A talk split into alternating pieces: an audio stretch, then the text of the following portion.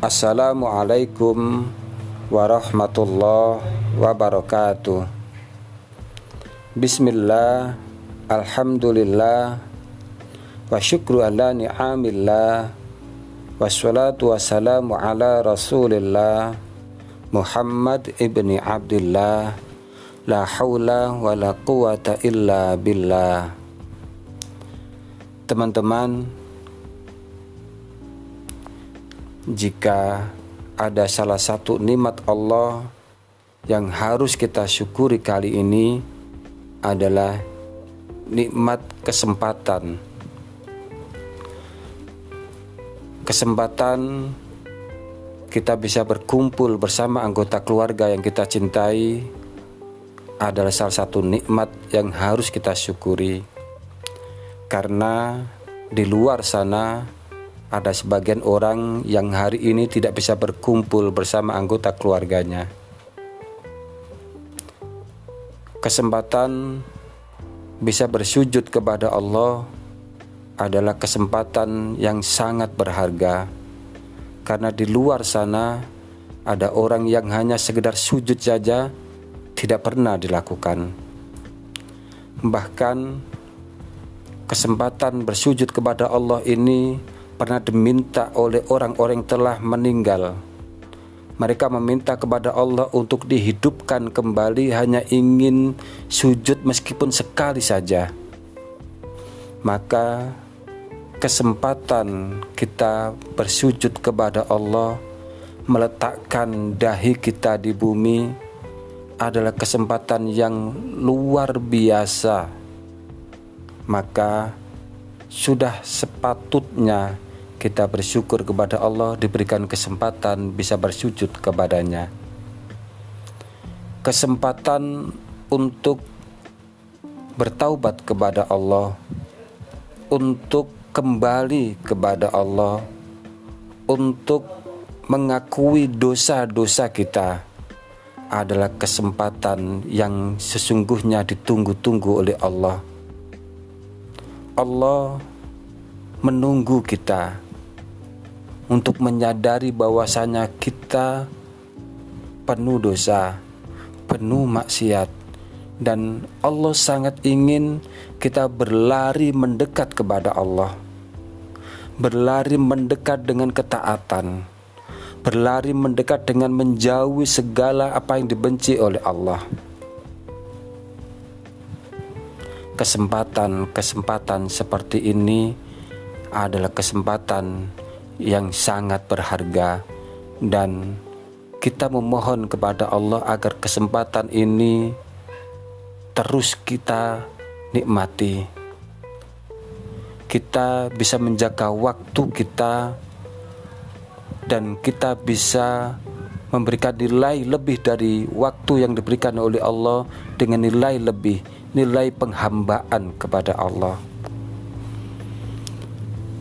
Teman-teman, kita juga bersyukur kepada Allah karena di tengah musibah pandemi COVID-19 kita masih diberikan keselamatan oleh Allah. Karena di luar sana ada sebagian dari saudara-saudara kita yang hari ini terpapar COVID-19 kemudian masuk rumah sakit di tengah berita yang demikian menakutkannya seakan-akan ini hantu yang benar-benar ada di dekat kita. Hari ini kita tiap saat melihat, mendengar, membaca berita yang begitu menakutkan. Setiap orang yang bertemu dengan kita seakan-akan kita menjaga jarak. Seakan-akan mereka membawa penyakit yang dulunya kita bisa berbicara dengan bebas, kita bisa berdekatan, kita sekarang diatur oleh jarak seakan-akan kita berhadapan dengan hantu. Maka kita saat ini yang diberikan kesehatan oleh Allah dijaga oleh Allah ini harus kita syukuri. Teman-teman kita percaya bahwa di balik musibah selalu ada hikmah. Banyak sekali hikmah di balik kejadian yang terjadi hari ini COVID-19 yang demikian menakutkan yang melanda seluruh dunia ada hikmahnya. Saya tidak akan menyebut satu persatu hikmah itu, tetapi kita akan kembali kepada Allah. Bahwasanya Allah telah menyediakan satu fasilitas, satu mukjizat yang diberikan dahulu kepada Rasulullah SAW kemudian diwariskan kepada kita yaitu Al-Quran. Kita sebagai umat Islam meyakini dengan seyakin-yakinnya bahwasanya Al-Quran yang dahulu diberikan kepada Rasulullah SAW sebagai risalah, sebagai wahyu, sebagai mukjizat itu diberikan kepada kita, diwariskan kepada kita. Ini adalah mukjizat yang lebih besar daripada mukjizat tongkat Nabi Musa. Ini adalah mukjizat yang lebih besar daripada mukjizatnya Nabi Isa yang dengan izin Allah menghidupkan orang yang mati lebih besar dari mujizatnya Nabi Isa menyembuhkan jadam wal baros. Lebih besar dari itu semua. Al-Quran telah melewati sekian masa 1400 lebih tahun lebih 1400 tahun lebih dari generasi ke generasi sampai hari ini kepada kita tidak berkurang satu huruf pun, tidak berubah satu huruf pun yang dari lisan ke lisan yang mulia jatuh sampai kepada kita. Pertanyaannya adalah seberapa penting mukjizat ini bagi hidup kita? Benarkah mukjizat ini bisa merubah kehidupan kita? Kalau sebuah mukjizat tidak bisa merubah apa pun, itu bukan mukjizat lagi. Kalau mukjizat tidak bisa memberikan keberkahan apa pun, itu bukan lagi mukjizat.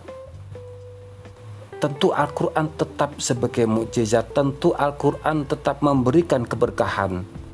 Tetapi kita yang tidak bisa mengambil keberkahan darinya, kita yang tidak bisa menjadikan Al-Quran sebagai sesuatu yang bisa merubah kehidupan kita. Kita masih sangat jauh dengan apa yang diharapkan oleh Rasulullah SAW. Kita masih sangat jauh dengan teladan yang telah dicontohkan oleh para ulama salafus salih bagaimana mereka berakrab-akrab dan berintim ria dengan Al-Quran yang seakan-akan jika tidak membacanya sehari saja, sekali saja, seakan-akan ditinggalkan oleh seseorang yang sangat dicintainya. Sedangkan kita hari ini membiarkan Al-Quran di atas lemari berdebu, sehingga kita hari ini ada sebagian orang yang bahkan membacanya saja tidak pernah Orang yang hari ini lisannya membaca Al-Quran saja tidak pernah. Dadanya kosong dari Al-Quran. Seakan-akan sebuah rumah yang tidak pernah ada penghuninya. Orang yang tenggorokan dan lisannya tidak pernah dialiri oleh bacaan Al-Quran Itu sebuah rumah kosong tanpa penghuni. Maka bagaimana kita menjadikan Al-Quran sebagai mujizat yang merubah kehidupan kita. Teman-teman, Al-Quran telah memberikan bukti nyata kemujizatannya. Saya secara pribadi ada beberapa pengalaman yang sangat menarik dengan Al-Quran dan itu ingin saya berbagi kepada teman-teman semua supaya ada manfaatnya. Suatu ketika saya pernah sakit. sakit yang amat sangat sakit bagi saya yaitu radang otak tiap jam 11 sampai jam 1 siang saya merasakan kesakitan yang luar biasa sampai-sampai saya memegang kepala saya dengan dua tangan kemudian saya meremas-remasnya kemudian saya membenturkan ke tembok karena sangat-sangat sakit badan saya panas demam tinggi kemudian dari hidung juga keluar darah dan nanah kemudian tidak cukup itu saya juga merasakan dada yang amat sangat sakit. Saya berpikir bahwasanya sakit ini karena masalah hidup saya. Karena hari karena waktu itu saya menggelandang, hidup tidak jelas, tidak ada pekerjaan, rumah tangga rumah tangga agak berantakan, saya ditinggal oleh istri. Seperti itu. Sebagai usaha, sebagai ikhtiar, saya berobat, saya terapi, saya datang ke dokter, tetapi alhamdulillah belum ada hasil yang cukup baik. Kemudian oleh salah seorang teman yang guru ngaji mengingatkan saya dan saat itu saya tersadar betul. Sampean itu guru ngaji. Sakit kok bingung. Bukankah Quran itu syifaul lima sudur. Quran itu penyembuh. Penyembuh bukan obat. Quran itu syifaul lima sudur. Penyembuh bagi hati yang sedang sakit, bagi dada yang sedang sakit pengertian awal saya dari dulu syifa lima fisudur Al-Quran ada sebagai penyembuh penyakit hati seperti ria, seperti dengki, seperti hasad, seperti sombong, seperti ujub dan lain sebagainya. Tidak pernah terpikir sama sekali oleh saya bahwasanya Al-Quran adalah juga sebagai syifa, sebagai penyembuh obat-obat uh, sakit-sakit fisik seperti radang otak, seperti kanker misalnya tidak pernah terpikir sekalipun. Kata-kata teman ini merubah saya bahwasanya ada pemahaman yang salah oleh saya terhadap Al-Quran. Sejak itu saya membaca Al-Quran dengan kuantitas yang berbeda dengan sebiasanya. Yang biasanya lima halaman satu juz. Hari ini saya membaca tiga juz. Yang awalnya saya membacanya dengan biasa-biasa saja, saya membacanya dengan adab yang terjaga. Duduknya, cara membacanya, cara bernafasnya, tiap makrotnya saya baca dengan berusaha semaksimal mungkin untuk tartil. Dan Alhamdulillah 10 hari saya khotam dan ketika khotam itu saya merasakan kesehatan yang luar biasa. Saya tidak lagi sakit kepala, dada saya tidak lagi sakit, tidak lagi mengeluarkan darah. Justru saya merasakan kesehatan yang lebih baik daripada sebelumnya. Ini tentu membawa pertanyaan besar, membuat pertanyaan besar pada saya. Ada apa dengan Al-Quran? Akhirnya dengan sedikit pengetahuan saya menjelajah, mencari referensi apa yang menjadi rahasia Al-Quran sehingga bisa menyembuhkan. Dari penjelajahan itu saya bertemu dengan salah satu buku, ketemu dengan salah satu buku yang menarik. Sebuah buku terjemahan dari kitab Atib As-Sufya karangan Syekh Mu'inuddin Al-Histi, seorang mursyid dari Toriko Histia dari sana dengan gamblang sekali saya menemukan satu penjelasan bahwasanya Al-Quran adalah semesta pernafasan. Semesta pernafasan. Dari sana tergaget bahwasanya ada keterangan yang sangat detail bahwasanya ketika kita mengucapkan huruf sod dengan benar maka itu membuat pinggang kita menjadi kuat. Ketika kita membaca makhraj mad yang benar maka itu merangsang kelenjar pineal kita. Hal-hal ini tentu membuat saya terkejut, terkaget, karena pada awalnya sama sekali tidak paham, tidak mengetahui bahwasanya Al-Quran juga punya pengaruh terhadap kesehatan fisik seseorang. Saya sendiri merasakannya. Nah, berjalannya waktu kemudian eh, pada beberapa tahun kemarin ini, tahun 2018, saya menemukan fakta yang menarik. Ketika dalam salah satu sesi meeting dengan beberapa pemilik perusahaan, saya datang meeting waktu itu dengan badan yang sangat sangat sakit badan saya panas, saya sakit kepala, tetapi insya Allah sakit kepala saya bukan karena e, radang otak, tapi karena sesuatu kurang istirahat, tapi sangat-sangat sakit. Oleh salah seorang teman saya dibawa saat ke ruangan, kemudian saya diterapi. Terapi itu adalah terapi Wim Hof. Terapi Wim Hof Konon katanya terapi Wim Hof ini mahal harganya untuk satu sesi pelatihannya itu sekian juta rupiah. Tetapi kalau teman-teman tahu bagaimana Wim Hof itu ternyata sangat sederhana tetapi powerful, powerful. Coba Pak teman-teman uh, cari informasi di Google tentang Wim Hof, maka kita akan terkejut. Ketika Wim Hof diadakan sesi training uh, pelatihan, peserta pelatihan biasanya diinjek dengan bakteri E. coli yang biasanya membuat orang menjadi disentri, mencret itu. Bahkan dalam salah satu sesi yang pelatihan yang lain, uh, peserta ini diinjek dengan HIV dan ternyata E. coli maupun HIV tidak bekerja bagi orang yang telah melakukan Wim Hof.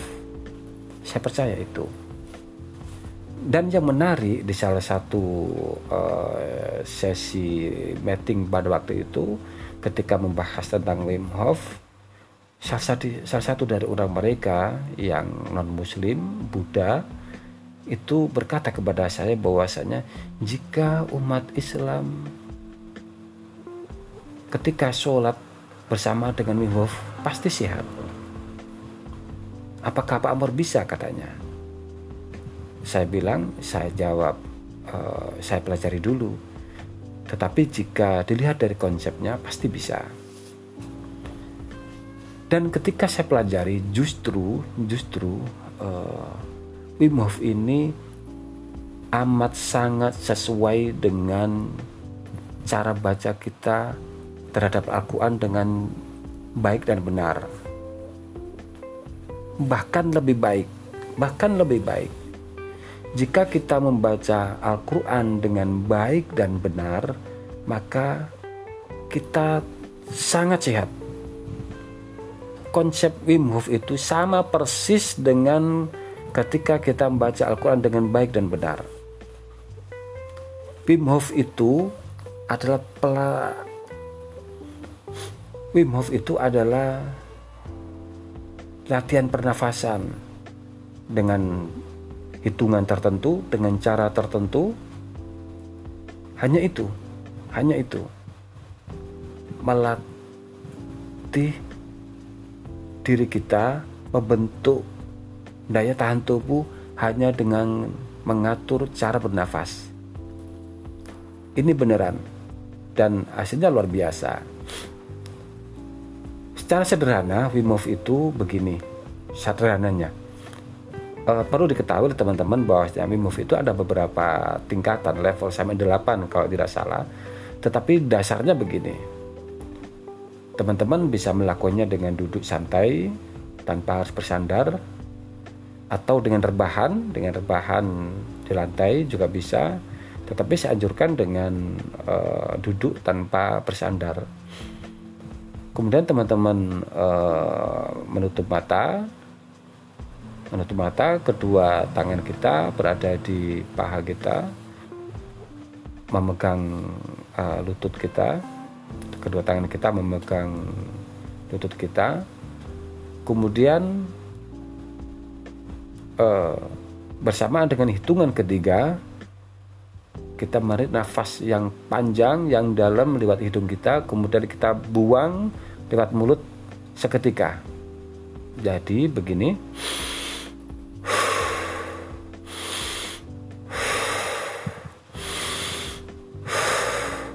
kita menarik nafas panjang lewat hidung hingga penuh kemudian kita membuangnya lewat mulut ini kita lakukan sampai hitungan ke-30.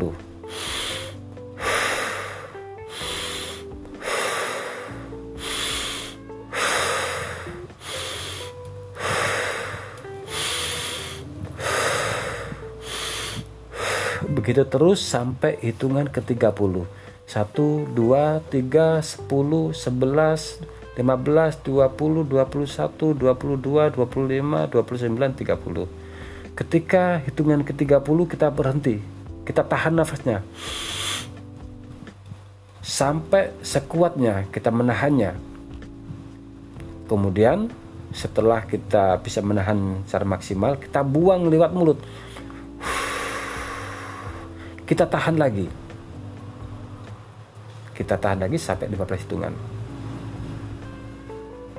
Sudah? Jika sudah, kita memulai lagi tarik nafas lagi seperti yang pertama kali.